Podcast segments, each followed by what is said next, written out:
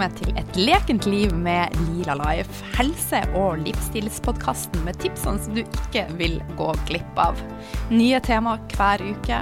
Jeg snakker om hormoner, jeg snakker om fordøyelse, jeg snakker om selvtillit, jeg snakker om sex. Jeg snakker om eterisk olje. Egentlig alt mellom himmel og jord som kan være med og gjøre at livet blir mer balansert og lekent. Noen ganger er det meg, og noen ganger så har jeg med meg spennende gjester som har motivert meg på en eller annen måte. Og hvem er jeg? Jeg er Line. Jeg er næringsterapeut, yogalærer, jeg er veileder i bruk av eteriske olje. Jeg er mamma og jeg er kone. Jeg har en brennende interesse for en naturlig helse. Og sjøl har jeg vært alvorlig syk i mange år, og nå er jeg snart 43 og mer vital enn noen gang. Og det er min drive. Jeg har lyst til å vise at det er mulig å gjøre en stor forskjell med små endringer. Brikke for brikke, steg etter steg. Det er rett og slett mulig å endre noe vanskelig til noe godt. Så det er min motivasjon. Jeg blir kjempe, kjempeglad om du deler eh, podkasten min med kjente og kjære, og jeg håper at du får masse læring og utbytte av eh, et lekent liv med Lila Life. Så legg gjerne igjen også eh, ei tilbakemelding på iTunes eller Spotify, og så tar jeg deres tilbakemeldinger med der. Og har du tema du vil jeg skal legge litt eh, ekstra energi på, og kanskje ta opp, så del. Yes, men da setter vi i gang. Ja. I dag så har jeg med meg en ny spennende gjest, hos Sofie Hekseberg. Og hun har akkurat gitt ut ei ny bok, eh, 'Nytt blikk på autoimmun sykdom'. Og temaet i dag er autoimmune sykdommer. Og kanskje litt til. Vi får se hvordan det fører an, det her. Eh, men realiteten er at andelen mennesker som får en autoimmun sykdom, eh, allergi eller intoleranse, den øker jevnt og trutt. Og i dag er det estimert at 50 millioner amerikanere lider av én eller flere autoimmune lidelser eller sykdom. Eh, til sammenligning så er det ca. 12 millioner som har kreft, og 25 millioner som har hjerte- og karsykdommer. Så dette viser jo at det er et stort samfunnsproblem. Velkommen til deg, Sofia. Det er en stor ære å ha deg med. Hjertelig takk for at jeg får lov til å komme, det er hyggelig. Aller først, eh, dette er et standardspørsmål som jeg spør gjestene mine for at jeg er nysgjerrig, og jeg tror også de som hører podkasten, syns at det er artig å høre hvordan andre ler. Hvordan starta du din dag i det vanlige? Hva spiser du til frokost? Har du noen rutiner? Ja, i dag for eksempel så sto jeg opp halv seks, for Erik og jeg, altså mannen min, vi dro inn til Sandvika for vi har klinikk der, så jeg har vært der, startet der klokken åtte med pasienter på onsdagene. Så da er det å bare komme seg i gang, få en kopp kaffe, og så drar jeg. Og så jeg spiser ikke frokost da. Nei. Nei. Så vanligvis så spiser jeg ikke frokost, jeg spiser lunsj sånn i tolvtiden. Ja. Ja. Og hva består lunsjen din av, da? Lunsjen den er veldig ofte salat. Det er forskjellige grønnsaker, og så av og til er det reker, krepsehale, krabbe, det kan være skinke, kylling, biffstrimler, egg. Masse forskjellig. Ja. Ja. Men når du skal sette sammen måltider, er det noe du er spesielt opptatt av? Ja, jeg har alltid rikelig med fett, for ellers så blir jeg rett og slett ikke mett. Så jeg har da enten rikelig med olivenolje, eller majones, eller avokado, eller litt av hvert. Ja. Ja. Og samtidig så høres det ut som du er liksom opptatt også at det skal være praktisk og enkelt i hverdagen. Ja, og det går veldig fort å lage den salaten, så den lager jeg kvelden før, eller når jeg holder på å lage middag dagen før. Så har du alltid et skjærebrett en kniv og masse grønnsaker og litt saker og ting, og så bare eh, skjærer jeg det oppi, og så har du oppi, oppi boksen min, og så er det klart til neste morgen, så i kjøleskapet. Så rett og slett, du er et skritt foran. Jeg ligger litt foran hele tiden. Ja, og det tror jeg er en viktig nøkkel til å faktisk klare å gjennomføre. Ja. Men det tar ikke mange minuttene å gjøre det. Nei. Nei. Fantastisk. Mm. Eh, Nå starta jo jeg eh, med å si at det er veldig mange i dag som har eh, en autoimmun sykdom eller en eller annen plage som er forbundet opp mot immunsystemet. Eh, hva tror du at eh, årsaken til denne enorme økninga er? Eh, ja, jeg kan jo bare si, for du refererte til amerikanske tall, sånn i Norge så antar man at det er rundt 500 000 faktisk, hvis du ser på de forskjellige registrene, men det er vanskelig å bedømme hvor mange det faktisk er, for dette, noen har jo én, noen har to, noen har tre, noen har fire autoimmune sykdommer. Mm. Sånn rundt regnet kanskje 500 000 faktisk bare i Norge. Ja. Årsaken tror jeg er måten vi lever på. Så vi lever jo, hvis du ser på maten, så spiser vi jo veldig forskjellig i forhold til de jegerne og sankerne vi var. Sånn som i Norge for 5000 år siden så var vi jegere og sankere og spiste kun det vi fant i naturen. Vi spiste ikke noe korn, vi drakk ikke melka til kua, vi spiste ikke innpakka mat. Mm. Så maten er jo veldig viktig, men også selvfølgelig disse, dette stressende livet vi lever, alle giftene vi omgis med, som vi får via oss både via mat og via hud og via lunger osv. Så, videre. Mm. så det er jo mange komponenter som spiller inn. Men vi er jo mest opptatt av maten da, men alle de andre komponentene rundt er også viktig. Ja. Og jeg er jo en av de som har flere autoimmune lidelser, og jeg har til nå fått tre diagnoser. Eh, og det er jo en av mine, eh, eller min motivasjon til å faktisk vise at det er mulig å gjøre noe med det. Det skal vi komme tilbake til etter hvert. Men eh, til nå så er det jo oppdaga eh, over 100 forskjellige, 100, nei, eh, forskjellige autoimmune lidelser, eh, og alle har jo forskjellige symptomer. Eh, men er det noe fellestrekk mellom eh, f.eks. det å ha leddgikt, det å ha MS, det å ha morbus Crohn? Eh, kan du fortelle oss litt om det? Ja, altså Vi forholder oss jo til internasjonal forskning på dette, pluss våre egne erfaringer, og de stemmer ja. veldig godt overens. Ja. Så det som nyeste internasjonal forskning viser på dette her, at hvis mat skal være årsak til autoimmun sykdom, så må du ha tre komponenter. Og det ene er at du må være genetisk disponert, altså det er noe du har fått med deg fra mor og far. Mm. Uh, og det kan du Du har de genene du har, så de må være der. Og så har du lekt tarm, som vi kan komme tilbake til, kanskje. Ja. Og så må du spise noe som lekker gjennom den tarmen og kommer over i blodet og trigger immunsystemet. Ja. Genene har du, men dette med lekt tarm og hva du spiser, det kan du gjøre noe med. Og så har du også dette med genetikken, at uh, gener kan jo skrus av og på. Ja. Uh, Ja. det, så det er jo også viktig. Der er vi inne på det som heter epigenetikk. Så Ja. vi kan gjøre noe med det. Så det er ikke en skjebne med de genene du har. Du kan faktisk påvirke de. Ja. Så det som egentlig skjer når man får en autoimmun sykdom, er at immunforsvaret vårt blir trigga av et eller annet, sånn at eh, du får en reaksjon, rett og slett. Ja, det blir eh, Du kan si immunforsvaret er jo laget for å reagere på fremmede proteiner. For, Ja. det, for det er laget for å reagere på bakterier og virus og parasitter, og der er det fremmede proteiner. Så det er jo for å beskytte oss mot alvorlige infeksjoner. Mm. Men hvis du får ufordøyde matproteiner over i blodet, så er det også et fremmed protein, og egentlig så kan du bare si at immunforsvaret reagerer sånn som de skal gjøre, de skal reagere på fremmed protein, Mm. og det gjør de. Mm. Og når vi da spiser mat som vi ikke er tilpasset til å spise, så kan du få en del sånne reaksjoner. Mm. Nå tenker jeg at det er ganske naturlig da å faktisk prate om fordøyelsen, for fordøyelsen vår skal jo være en eh, beskyttelse.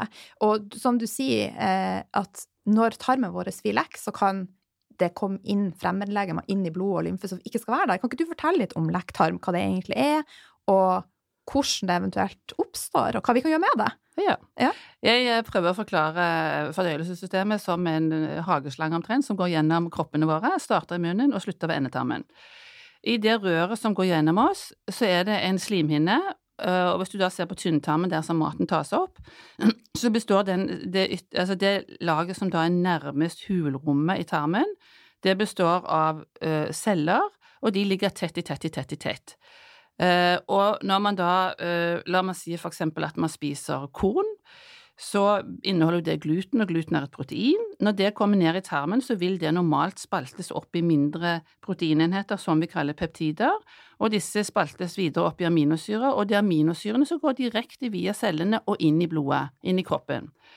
Men dersom disse cellene glir litt fra hverandre, så er det litt større hull, så er det litt hullete, akkurat som en sil. Og da, da kan eh, da kan disse peptidene, altså disse som ikke helt nedbrutt til aminosyrer, passere over og komme seg over i blodbanen. Og rett utenfor tarmen, der står det masse immunceller og bare venter på noen farlige bakterier eller virus eller fremmede proteiner. Og så lages det masse, eh, masse antistoffer, og dette seiler jo rundt i blodbanen, og så slår det seg ned forskjellige steder, og det er jo derfor noen får en autoimmun sykdom i huden, noen får det i skjoldkjertelen, noen i bukspyttkjertelen, noen i leddene osv., og, og noen får flere steder.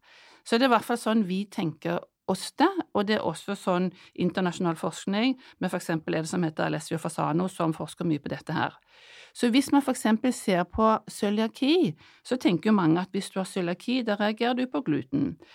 Men, og da har du jo en dårlig tarmslimhinne, og da kan man tenke at man har lekt tarm, for den er jo litt flussete og sår. Mm. Men med all sannsynlighet så har man lekt tarm før man liksom utvikler selve cøliakien. Ja. Og det samme egentlig hvis du ser på disse alvorlige tarmsykdommene sånn som Crohns og ulcerøs kolitt. Så er det ikke sånn Jeg tenkte før at det skyldes jo at det, om man spiser mat, påvirker slimhinnen. Men faktisk så går dette via blodet, og så kommer det tilbake via tarmen og lager trøbbel. Akkurat som det kommer til noen, kommer det til huden. Ja. Eh, Så det tenkte jeg første gang Det var en kvinne som sa til meg, hun hadde nemlig utlagt tarm. ja. Så da har du jo på en måte pose på magen, Mm. og, og, du, og du har ikke noe kommunikasjon eh, mellom tarmen og endetarmen da, for hele tykktarmen var tatt vekk. Mm. Men hun sa, men hun hadde en liten stump av endetarmen igjen, fordi at hun var kvinne og skulle ha noen barn, og da var det, Ja. det poeng å ha noe vev der. Ja. Så hun sa at hver gang jeg spiser eh, boller og melkemat og den type ting, så kommer det masse slim og blod fra den lille endetarmen. Og det hadde jo ingenting, det kom ikke noe mat gjennom der, men da kom det jo via blodet og skapte betennelse der, akkurat som en annen får betennelse i leddene. ja. Ja.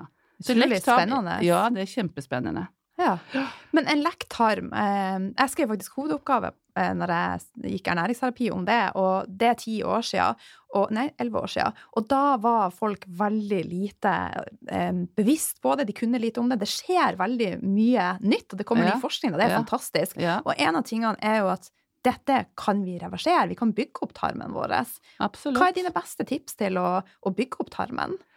Ja, for det første så tenker jeg at man må jo ta vekk det som skader tarmen. Ja. Ja, og det er Altså, vi bruker jo veldig mye matintoleranser, så vi rekvirerer på lab 1.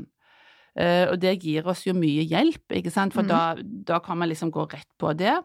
Men det. Og det som ofte folk reagerer på, det er jo det moderne samfunnet med korn og melk spesielt, altså de to Mhm. tingene. Noen reagerer også voldsomt på egg, men det kan være noe som vi kaller sekundært. Altså hvis først tarmen er lekk, så kan det lekke proteiner, altså ufordøyde proteiner fra egg over i blodet, og så er man veldig på hugget med å lage antistoffer mot det, fordi at egg er veldig allergiframkallende hvis det er på feil sted. Så derfor så kan det være at når tarmen blir i orden, så kan det være at mange tåler egg etterpå, men vi anbefaler hvis de har svære utslag på det, å ta det vekk i hvert fall fire uker. Ja. Men det er, eh, så vi bruker jo de matintoleransetestene, og da styrer vi litt etter det, men vi styrer også etter hva personen forteller, for det kan være av og til at de ikke har noen sånne voldsomme utslag på eksempel melk, men de sier at jeg får akutt diaré eller blir forstoppet eller blir kvalm av det. Så vi bruker jo også pasientenes erfaringer og våre egne erfaringer. Mm. Eh, Så vi, og hvis man da ikke skal ha testene, så har man jo Vi har jo da beskrevet i broken den strengeste av de strenge variantene, og det er jo mer en såkalt autoimmun protokoll. Da er det jo på en måte uten kaffe og te og mørk sjokolade, ikke nøtter og frø, ikke korn, ikke melkeprodukter, ikke egg. Så da sitter du igjen egentlig med eh, kjøtt og fisk og fugl og skalldyr, grønnsaker og fett. Og så er det jo gjerne kokosmelk og sånne ting kan også fungere veldig greit. Så, Mm. Men så er det jo sånn, jeg tenker at vi er jo så forskjellige, så noen klarer å starte så strikt, men det er jo ganske stor overgang fra et vanlig kosthold. Så for noen kan det være greit å bare begynne å ta vekk alt som heter melkeprodukter og spise glutenfritt. Det er jo en start. Og så kan man jo raffinere litt etter hvert, så man blir bedre kjent med kroppen sin. Ja. Jeg har sjøl eh, gjennomført den autoimmunprotokollen, og eh, jeg må si at hadde ikke jeg gjort det gradvis, så tror jeg det hadde vært veldig utfordrende for meg. For jeg hadde jo, som du sier, jeg hadde allerede fjerna melk og gluten. Mm. Så mitt beste tips er å, å gjøre det litt gradvis, og faktisk sette av i hvert fall tid. Og, for det krever masse energi og ressurser å gjennomføre det. Ja. Men for meg har det gjort underverker, så jeg vil absolutt anbefale alle å kjøpe boka eh, og lese og prøve å, å være nysgjerrig, for at det er faktisk mulig. Og det er å snu dette. Og det er mitt neste spørsmål. Eh, for at når jeg fikk min første diagnose i 20-årene, så fikk jeg bare beskjed om at du har fått lichen sklerose, gå og google det. Eh, jeg har aldri sett det her på noen som var under 80 før. Eh, dette er kronisk. Eh, så sjøl så var jeg jo veldig nedbrutt. Jeg bare tenkte nå stopper livet mitt opp. Ja. Eh, men så snudde seg ertene i hodet mitt, så tenkte jeg dette skal jeg da klare å snu. Eh, er det mulig å snu en autoimmun sykdom? Kan vi legge lokk på symptomene? Kan vi reversere det? Ja, altså det har vi mange eksempler på, men vi skal ikke si at du kan reversere alle. For Nei. å bare nevne, det er jo også noen autoimmune tilstander hvor virus er med i bildet. Det Ja. blir litt av en annen historie, men da er det kanskje viruset som opprettholder dette immunforsvaret som er litt forvirret og er litt på alerten hele tiden. Ja. Og da er det mulig at faktisk viruset må fjernes. Ja. Eh, eksempel hepatitt C-virus. Det er en del eh, Ja. pasienthistorier på det som er beskrevet i vitenskapelig litteratur.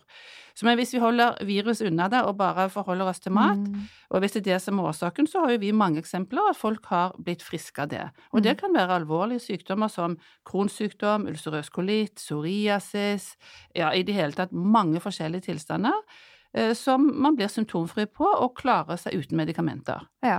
Og så er det, men det er jo de som blir helt friske, det er de som virkelig går inn for det og gjør alt de skal, og de gjør ofte sånne ting og passer på nok hvile, nok søvn, ikke sant, ikke giftstoffer, de er bevisste hele tiden, og så er det sånn de kommer raskt tilbake med symptomer hvis de skeier ut. Ja. Så for eksempel en som har eh, eh, kronsykdom, for eksempel skeier ut med fløte et par dager, kan få blødende avføring. Så de får klare signaler på at dette er ikke bra, og det er jo i grunnen greit. Altså, de får Mm. beskjed. Kroppen gir beskjed. ja. Så det er veldig viktig å lytte til kroppen sin. Så helse er rett og slett ferskvare. Så selv om eh, jeg er symptomfri i dag, så kan symptomene dukke opp hvis jeg ikke eh, følger det som er rett for meg, da. Absolutt. Og det blir på en måte det samme som en eksempel med type 2-diabetes. Mm. Hvis du har for høyt blodsukker eh, og eh, spiser lavkarbo, så blir de fleste får de normalt blodsukker. Ja. Men hvis de begynner å spise masse karbo igjen, så får de type 2-diabetes. ja. Så du blir jo Altså, noen liker ikke å kalle at man er frisk, men jeg tenker at man er frisk hvis du spiser den maten du, du tåler, og Mm. Ja. holder det unna det du ikke tåler. Mens noen vil mer si symptomfri. Du er liksom ikke helt frisk i denne moderne verden da, for dette da spiser jo alle så mye rart. Ja. Og du kan liksom ikke spise alt det de andre spiser. Ja. Ja. Du er jo faktisk nesten litt sånn eh, Det er nesten litt sånn um, Du vis eh, hva det heter, uglesett hvis du spiser for sært og for naturlig, så det kan være litt vanskelig òg å faktisk gjøre ei sånn omlegging hvis resten av familien da spiser prosessert mat, og har du noen gode tips da til å faktisk klare å gjennomføre dette? Eh, ja, det er vanskelig. Altså, noen føler det veldig vanskelig, og noen, for noen går det lettere. Det kommer jo helt an på situasjonen, om det er Ja. mange barn, om familien stadig vekk spiser vafler og kaker og boller, og Ja. det kommer helt an på settingen. Noen bor alene og kan styre det mye bedre selv. Ja. Eh, nei, altså man må, jeg tror du bare må bestemme deg, og så må du si til venner og kjente at det, sånn gjør jeg det, og jeg gjør det ikke fordi jeg skal slanke meg, for, for mange er jo overvektige også. Dette er Mm. rett og slett fordi jeg har lyst til å gjøre alt jeg kan for å forbedre min egen helse, og det må du bare akseptere.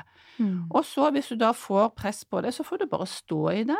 Du bestemmer selv hva du putter i munnen. Ja. Det, det blir jo på en måte det samme som med røyking, akkurat som du skulle bli presset. Du kan vel ta deg et par røyker, det er jo nyttårsaften i kveld. Man gjør jo ikke det med folk. Nei. Nei. Og man bør ikke gjøre det med mat heller. Nei. Men man må rett og slett bare stå i det. Og så er det noe da for å være der, så må du kanskje snakke med folk på nett, lese bøker hele tiden og holde deg oppdatert, være i grupper på Facebook. Det er jo ganske mange Mm. som snakker om dette her, sånn at du hele tiden får bekreftelse at du er på rett vei. Ja. Ja. Og også kanskje da Altså noen klarer sånne ting alene, men andre trenger å bli holdt litt mer i handa. Og Ja. kanskje oppsøke da profesjonell hjelp, Det enten fra en lege eller en terapeut. Ja, Ja. Og vi driver jo sånn, så Ja. vi veileder jo og, og, og hjelper de som Så lenge de ønsker det, så lenge de trenger hjelp, så kommer de til oss. Og så Ja. er det jo mange terapeuter som også er utdannet på denne måten, som kan eh, hjelpe på akkurat samme måte. Ja. Og det er også en del nettsider, og masse Facebook-grupper. Men du, eh, hvordan blodprøver viser autonomitet, og hvordan kan man tolke det? Har du noe svar der? Ja, altså vi eh, Altså det er jo forskjellige antistoffer som kan måles på forskjellige sykdommer. Så Ja. det driver jo spesialistene med på hvert sitt område.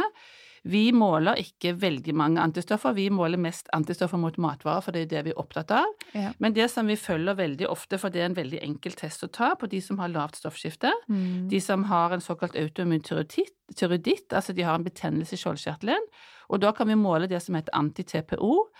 Og eh, det som jo da skjer, som vi også har vist i boken, at når de da legger om kostholdet, fjerner korn og eller melk eller det de ikke tåler, så går den anti-TPO-en ned og ned og ned, og mange, hvis de har gjenvær eller kjertelvev, så kan de jo eh, Mange må vi trappe ned medisiner på, og noen slutter helt med medisiner. Eh, Så, så den er veldig enkel å følge. Den kan Ja. man måle på de fleste laboratorier. Så det er vel mest den vi bruker, men liksom spesialistene bruker jo sine ting. Ja. Ja. Spennende. Ja. Men eh, i forhold til det med gener eh, Du nevnte epigenetikk, og du nevnte også at det var tre faktorer som var med og eh, avgjorde om man kunne få en autoimmun sykdom, og gener er en av de. Mm. Eh, hva er egentlig epigenetikk? Kan du fortelle oss litt kjapt om det? Ja, det er, altså, vi har jo sett gener som vi har fått fra mor og far, Ja. eh, men de kan slås av og på. Ja. Eh, så, så, og det, det kan reguleres i forhold til hvordan vi lever og hva vi spiser. Så for eksempel har man jo sett på tvillingstudier at uh, de, altså eneggede tvillinger, de er jo helt like genetisk, Mm. men hvis de lever forskjellige liv, spiser forskjellig, så kan den ene få en autoimmun sykdom, og den andre ikke.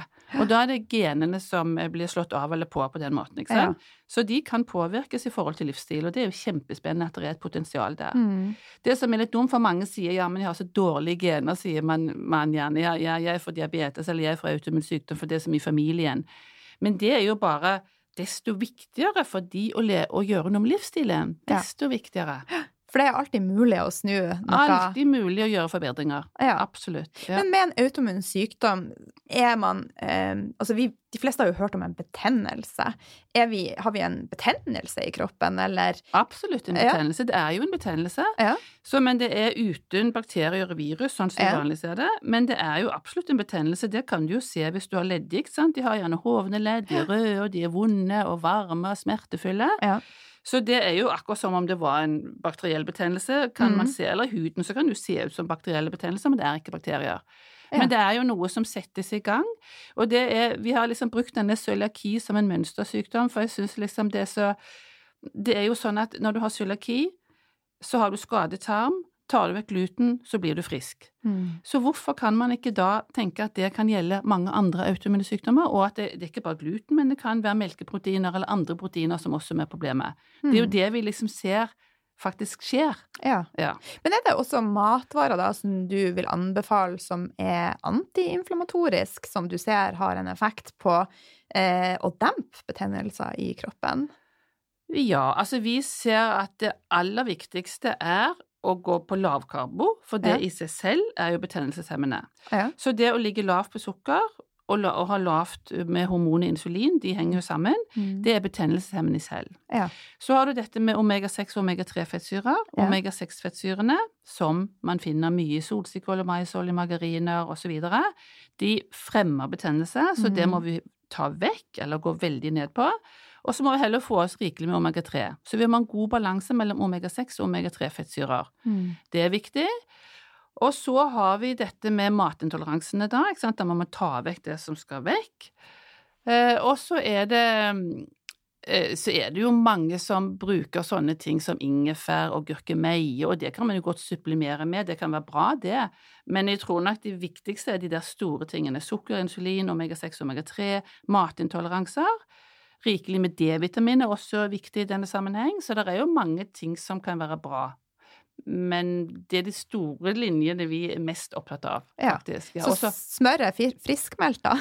ja, smør er veldig bra, men det er jo også noen da som er, eh, som er så følsomme for melkeprotein at de Ja. ikke tåler smør heller, faktisk. Mm. Og altså, noen kan få vandig diaré av smør hvis de har en hel sånn ryddediett, men kun bruker smør.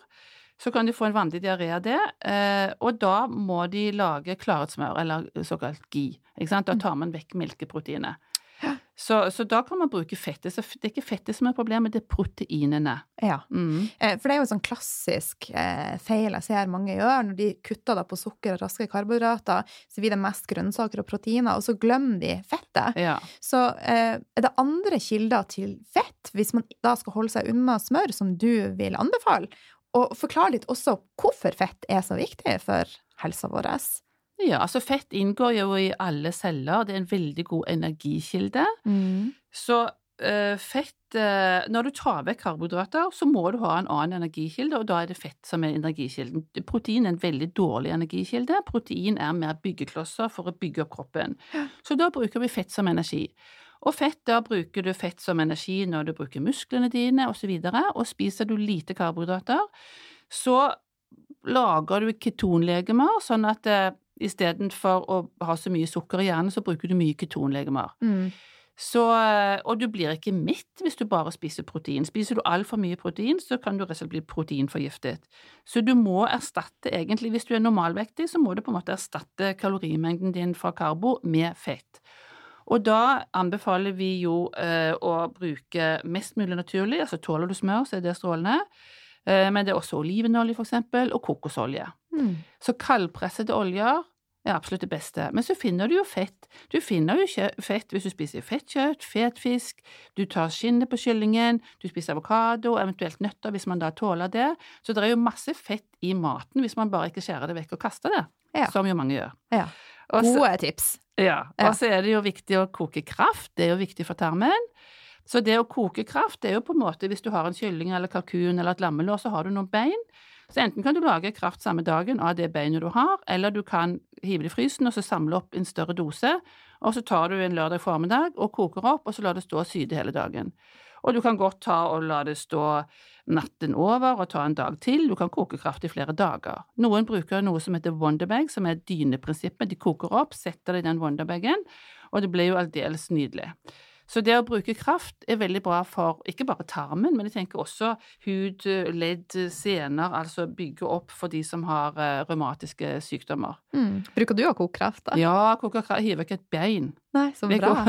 Og rekeskall også, kjempefint. Ja. Da må man jo bare koke det gjerne 20 minutter, men det er vidunderlig til å lage fiskesuppe. ja. Så jeg koker masse kraft, alt det vi har, og hvis jeg ikke har, så kjøper jeg bein. Men stort sett så, så blir det en del, for vi bruker en del sånn, sånne kjøttstykker som har bein. Ja.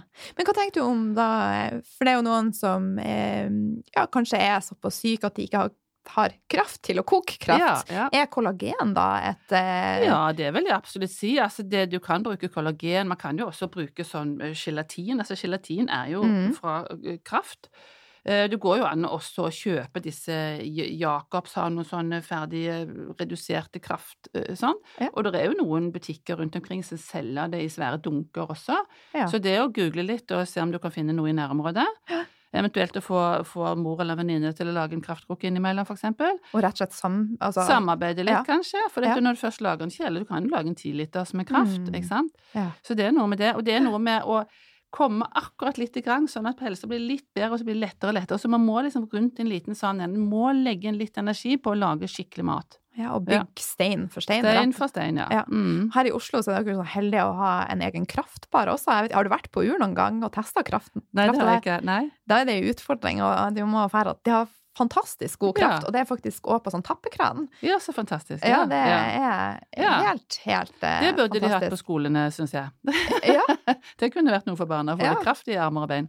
det hadde vært helt fantastisk. Men hva tenker du om fermentering, da? Bruker du å gjøre det, eller? Eh, jeg har gjort det litt, så jeg har noen glass stående med, i kjøleskapet nå da, med fermentert rødløk. Så jeg har, det har vært mye eh, Også denne solkålen, eh, Gry Hammer, jeg har vært inspirert av de bøkene der. Ja. Så jeg bruker det. Men, men de som har litt vondt i magen, må være litt forsiktige i begynnelsen, for de kan tåle det litt dårlig. Ja. Det oppdaget jeg egentlig på en eller annen gruppe, hvor de fortalte det at de blir dårlige. Så de begynner bitte lite grann, og så øker gradvis. Ja. Så det må man bare prøve seg frem, men det vil jeg absolutt anbefale. Så da får du jo melkesyrebakterier i mat istedenfor å ta piller eller andre ting. Ja. Alltid greiest å få det via mat, Ja. syns jeg. Ja. Ja. Jeg har jo hatt han Arnold Berstad som gjest flere ganger, og han Ja. er jo veldig på at vi må fôre med prebiotisk mat for å bygge opp egne bakterier. Så det er jo alltid flere syn på ting, Ja, og det er det som er så spennende. Ja, men du kan si det med fermentert mat er jo en gammel matlagingsmetode, så. Hvis man liker det, så kan man i hvert fall spise det. Ja, Ja. jeg bruker Ja. det sjøl, og jeg Ja. syns det er fantastisk godt. Så det er balanse i alt man gjør. ja. Ja. Eh, men vi var innom på det, altså nå har vi prata om, om kosthold. Eh, men vi har så vidt toucha innom det med hvile, og at det er andre ting også som er viktig å ivareta hvis man skal klare å, å eh, legge lokk på de autoimmune symptomene, da. Ja. Eh, kanskje vi skal snakke litt mer om det? Har du noen gode tips der til å klare å få ned stresset eh, og finne ro, rett og slett? Ja, altså jeg tenker av og til så er det sånn eh, Hvis man er veldig syk, så er det jo Det kan jo være nyttig med en sykemeldingsperiode. Mm. for noen som virkelig vil ta tak. Rett og slett fordi at eh, du trenger mer hvile, du trenger å lese det opp, du trenger å koke kraft og lage mat fra grunnen. Sånn at det faktisk kan være nyttig, ikke bare for vedkommende, men samfunnet som sådan. Hvis vedkommende er, er sykemeldt i noen måneder eller et halvt år, og så kommer seg i jobb igjen. Mm. For det, det, er jo det vi ser. En del av disse er jo uføre eller ute av jobb, og så kommer de seg faktisk i jobb igjen. Om de kommer i full jobb eller halv jobb, det samme det, men de kommer ut igjen. Mm. Så, så, det kan absolutt være verdt det. Altså, du trenger litt mer tid.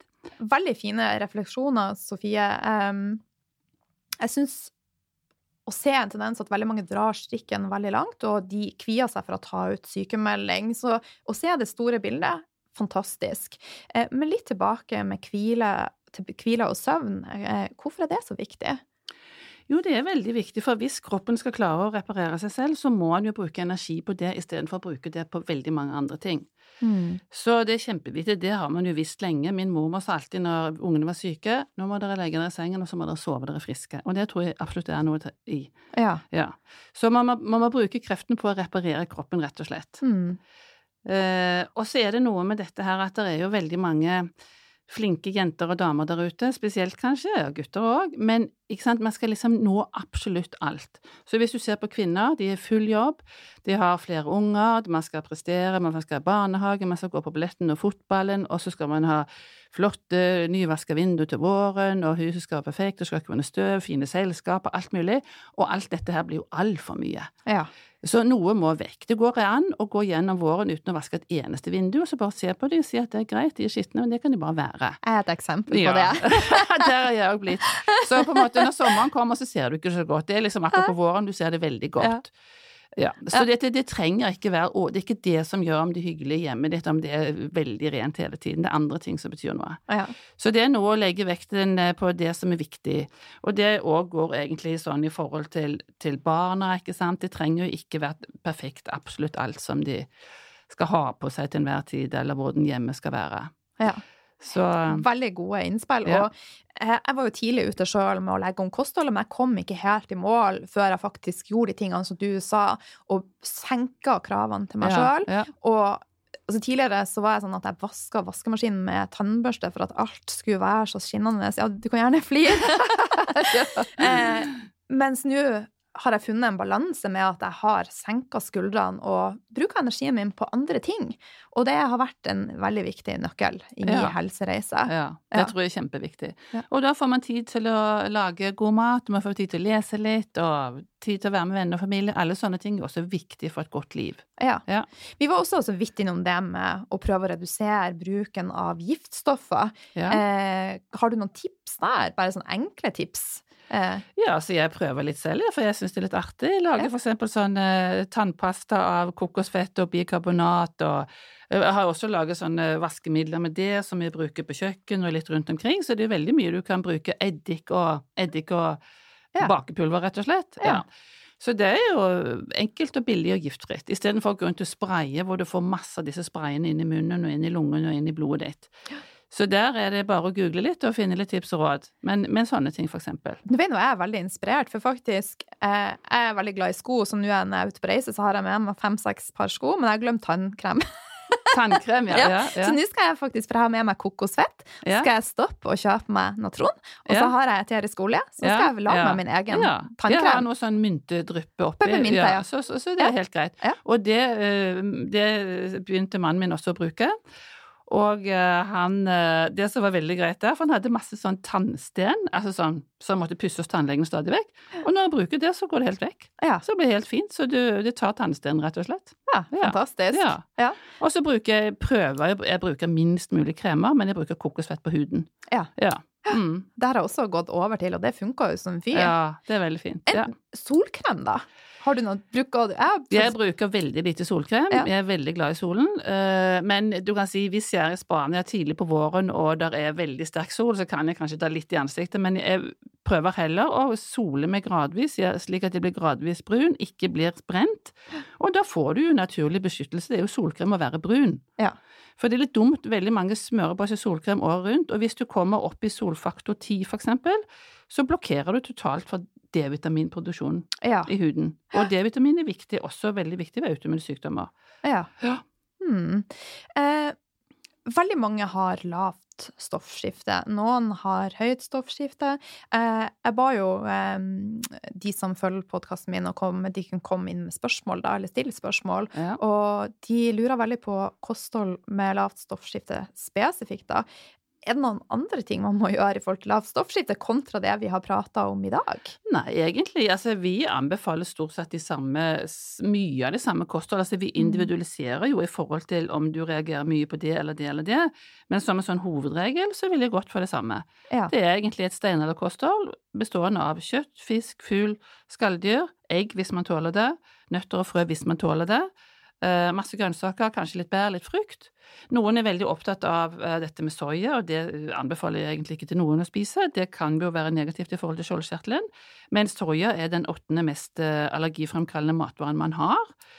Eh, og det er veldig stor forskjell å, å drikke soyamelk som står i kartonger som har stått på Rimi i to år, eller i butikkhyllene i to år, eh, fremfor eh, eksempel å spise en misosuppe i Japan. Så det er jo to vidt forskjellige produkter. Ja.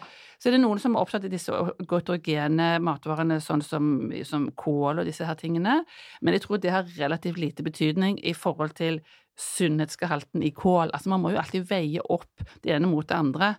Så vi er ikke så veldig opptatt av det. Og hvis du først bruker et medikament, så er det jo forsvinnende liten effekt sånne gotrogener ville ha på doseringen.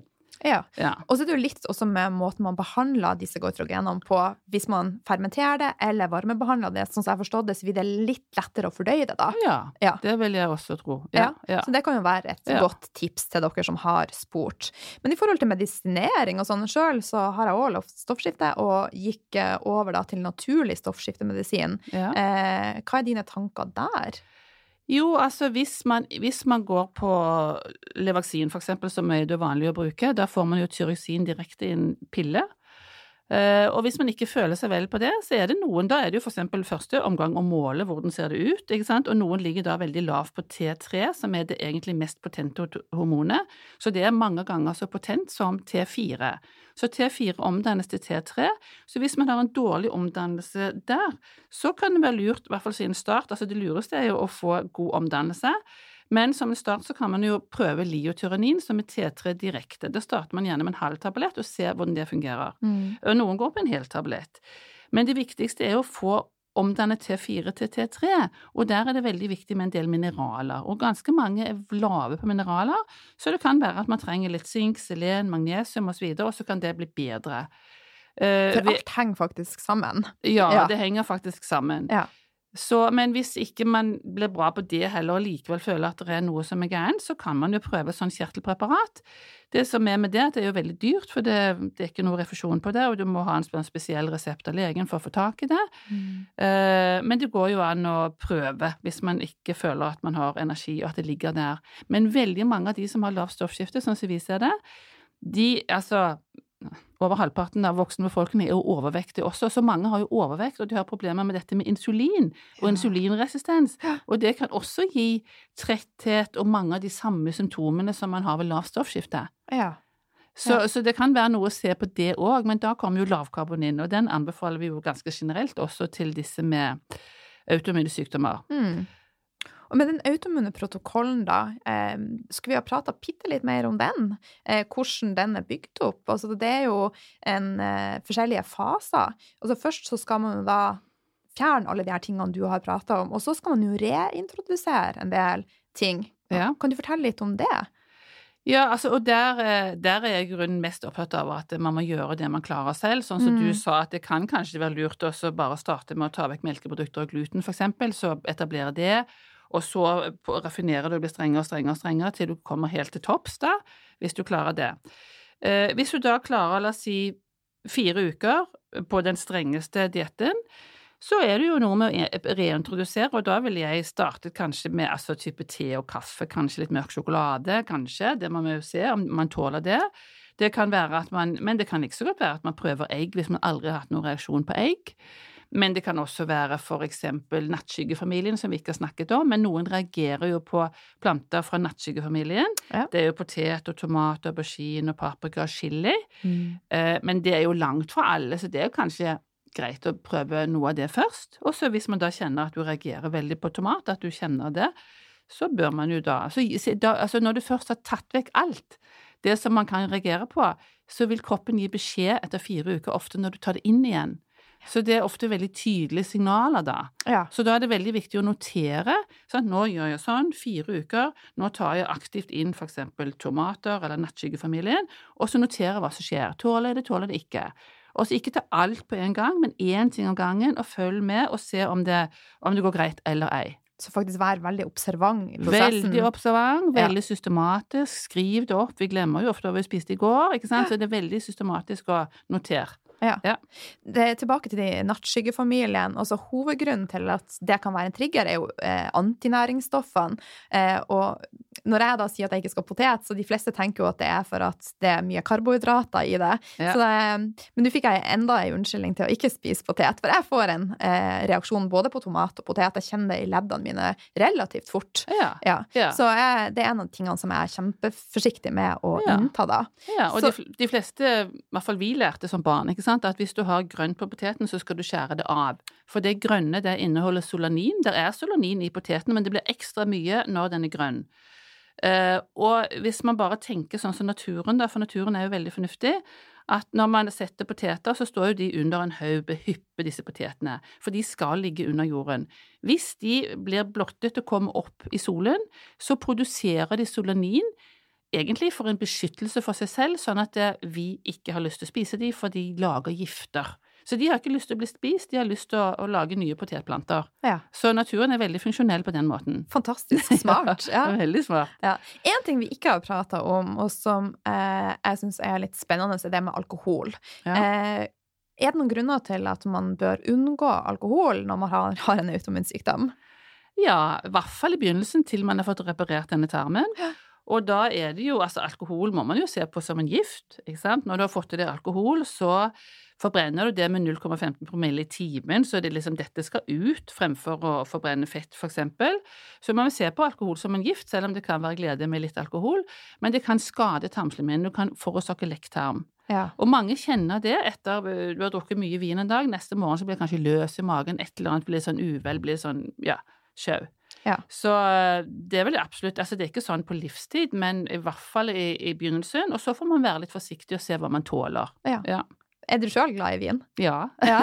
Veldig glad i vin. Så du, du unner deg et glass vin i ny og ne? Ja, men jeg merker at jeg tåler det mye dårligere enn jeg var yngre. Ja, du gjør det? Ja, jeg tåler ja. det bare dårlig. Det liksom Kjenner det bedre i magen og på søvnen og sover dårligere og Ja. ja. Mm. ja dessverre så gjør jeg også det. ja. Men eh, har du noen favorittviner, da? Nei, altså vi går alltid for de med lavkarbo, selvfølgelig. Ja. Så vi kjøper jo alltid de som er under 3% eller 3 gram karbo per liter. Det står jo på ja. på polet. Ja. Så det er mest det, da. Og så føler jeg kanskje at jeg tåler hvite viner bedre enn de røde nå, nå for tiden. Ja. Men ikke sånn veldig. Vi går mest på det. Ja. Ikke sånn at jeg kjøper veldig dyre viner, det gjør jeg ikke. Nei. Nei. Hvis vi skulle oppsummere det vi har prata om nå i forhold til autoimmune sykdommer, eh, for det er jo, dette er jo komplisert, og det er mye å sette seg inn i. Hvis du skal bare si sånn enkelt hva er dine beste tips? Bare oppsummer litt for å klare å komme i mål med å dempe symptomer på autoimmune sykdommer. Ja. Det, det, viktigste å starte med, tror jeg, det er å skaffe seg kunnskap. Mm. Og så er det viktig å spise naturlig mat laget fra grunnen. Så er det viktig å kanskje holde seg unna både korn og melk, kanskje andre ting, men i hvert fall det, og sukker, selvfølgelig. Uh, minst mulig giftstoffer i miljøet og det du har på kroppen. Uh, minst mulig alkohol. minst mulig medikamenter, hvis man kan klare det, for det kan også skade. Antibiotika osv. osv. Altså, må man ha medikamenter, så må man jo, men minst mulig. Uh, nok ro og hvile. Ikke gjør alle ting som du ikke må gjøre. Mm. Lag en liste over alt det du kan stryke, for det er mange ting man ikke må. Noe må man, men noen kan man legge i skuffen og vente til en annen gang. Uh, drive med pusteøvelser, yoga, sånne ting, for å liksom roe ned kroppen. Fortell gjerne venner og kjente hva du holder på med, sånn at du får forståelse og støtte. Snakk med folk på internett. Eh, og hvis du skeier ut, som jo det skjer med veldig mange, så er det på en måte på'n igjen. Og spesielt hvis du merker at dette er bra for deg, så er det mye lettere å si at det var noe med det, jeg prøver igjen, selv om det skar seg i sommer eller noe. Så mange bruker år på å finne ut av dette. Mm. Ja, det er ikke sånn quick fix på en måned. Nei. Og det er ingen garantier for noe heller. Men det er mange som har fått veldig gode helseeffekter, og det er i hvert fall vår erfaring. Ja. Så det er nesten eh, et, altså, det er et livslangt løp, det her, men man må huske på gulrota, hvorfor man gjør dette. Og som du sier, det er så viktig at hvis man går på en smell, at man bare henter opp trådene og fortsetter Ja, det her. det er viktig. Alle går på smeller. Ja, man gjør jo Men, det. men det som er greit med de smellene, det er en test, ikke Ja. sant? Og veldig Ja. ofte da får man vondt i magen, klør i huden, leddene blir stive, så tenkte man at ok, det var Mm. ikke bra. Og så lærer man. ja. Ja. Mm. For livet er en læringsprosess, Ja, rett og slett. læring. Ja. Og så er det jo viktig også å huske på at symptomene er så forskjellige fra person til person, for at vi er forskjellige. Som Ja. du sa, vi har forskjellige gener. Noen får vondt i magen, noen klør. Ja. Absolutt. Ja. Ja. Så det er mange Og det òg da med tilnærming i forhold til eh, maten, så må man òg tenke at man er forskjellig. Noen Ja. tåler det bedre enn andre, osv., osv. Så, så man, selv når vi har tester og vi har protokoller, så må man teste på seg selv. Det er Ja. veldig nyttig. Mhm. Så dette er på en måte litt retningsgivende, men så er det liksom testende hva sier din kropp. Ja. Ja. Mm. Mm. Men eh, litt tilbake til deg. Vi skal snart avrunde. Eh, hva gjør du når du skal kose deg, og for at livet ditt skal bli lekent? Altså at du skal ha det bra? Det, folk er jo interessert i å høre litt om deg. Ja. Jo, altså vi eh, Jeg må jo si eh, Jeg og min mann da, vi driver Dr. Hexbergs klinikk, og vi har jo mye glede av det, for vi får så mange solskinnshistorier at det er en stor glede i seg selv. Og så liker, og så syns jeg vi, vi lager ikke sånn veldig komplisert mat, men jeg syns vi spiser søndagsmiddag hver dag, det sier i hvert fall min mor. For før var det jo sånn, det var mye sånn farsemat. Vi spiser ren og fin mat hver dag, vi koser oss med mat. Eh, Jeg har begynt å jogge litt, for dette, jeg tenker at det er litt viktig for meg, så jeg prøver å få litt mosjon. Ja. Eh, Nå på 17. mai skal vi være 22, det er liksom storfamilie, vi er ganske stor familie, har jo fem barn. Eh, Så vi prøver, og vi reiser litt til Spania, vi skal på tur med Vi over 60 for eksempel, og holde kurs for de, det blir sånn lavkarbokurs da. Så vi, eh, ja, har litt kontakt med venner og kjente, men det er mye, det er mye jobbing, men vi trives med jobbene våre også, og så med familie, altså vi har mye familie som krever litt. Ja. Ja. Og vi er jo begge så heldige at vi får lov å jobbe med det vi brenner for. Ja, og da ja. blir jo det skillet mellom jobb og fritid kanskje litt mer glidende. Det glir veldig, ja. Så vi jobber jo gjennom helger og juler og påsker og alt som er. Ja. Men, men likevel, vi er jo vår egen sjef, så vi kan jo bestemme selv, og det er veldig greit. Så vi har kjekke sjefer, syns vi da. Ja, så bra. Eh, det har vært eh, fantastisk eh, nyttig og lærerikt å ha deg med. Jeg er veldig glad for at eh, du stilte opp. Og så vil jeg anbefale alle å sjekke ut boka til Sofie, 'Nytt blikk på autoimmune sykdommer'. Hvor kan folk treffe deg? Altså, er du sosiale medier? Ja, altså Dr. Hexbergs klinikk er jo da stikkordet, så vi har jo en egen hjemmeside og en egen Facebook-side. Så det er stort sett der vi er. Ja. Ja, så der er det, hvis man ønsker eksempel en eh, konsultasjon, så har vi konsultasjoner i Sandvika og i Tønsberg, men også på telefon. Så vi har snakket med folk i hele Norge. ja. Så det er en sånn timebestillingsmail som man kan bestille der, da. Mm. Eh, er det noe jeg har glemt som du vil tilføye om autoimmune sykdommer? Eh, vi må jo si det at det er veldig mye forskning som mangler, ikke sant. Så Mm. her er det liksom i sin spede begynnelse, men vi gjør masse erfaringer, og pasientene gjør seg masse erfaringer. Men det er jo sånn medisinen startet. Den startet på erfaringer, på pasienthistorier, og det er det mange av. Så får heller forskningen komme etter hvert. Men vi kan jo ikke vente på at alt er på plass før vi legger om livsstilen, hvis det kan hjelpe oss, tenker jeg. Helt enig. Og så er jeg også så opptatt av at det med helse er dynamisk. Det kommer ny lærdom hver eneste dag. Mm. Akkurat i det sekundet vi sitter og prater nå, så kom det garantert noe nytt. Så lenge man er åpen og nysgjerrig, så tror jeg at det er så store muligheter for, for å gjøre en forskjell. Absolutt. Helt Ja. enig. Så takk for at du deler din kunnskap med oss. Så jeg håper at vi eh, Jeg vil gjerne ha deg tilbake som gjest. Det kommer garantert en ny bok fra deg. Det gjør det sannsynligvis, Ja. ja. Tusen takk, Sofie. Takk for at jeg fikk komme.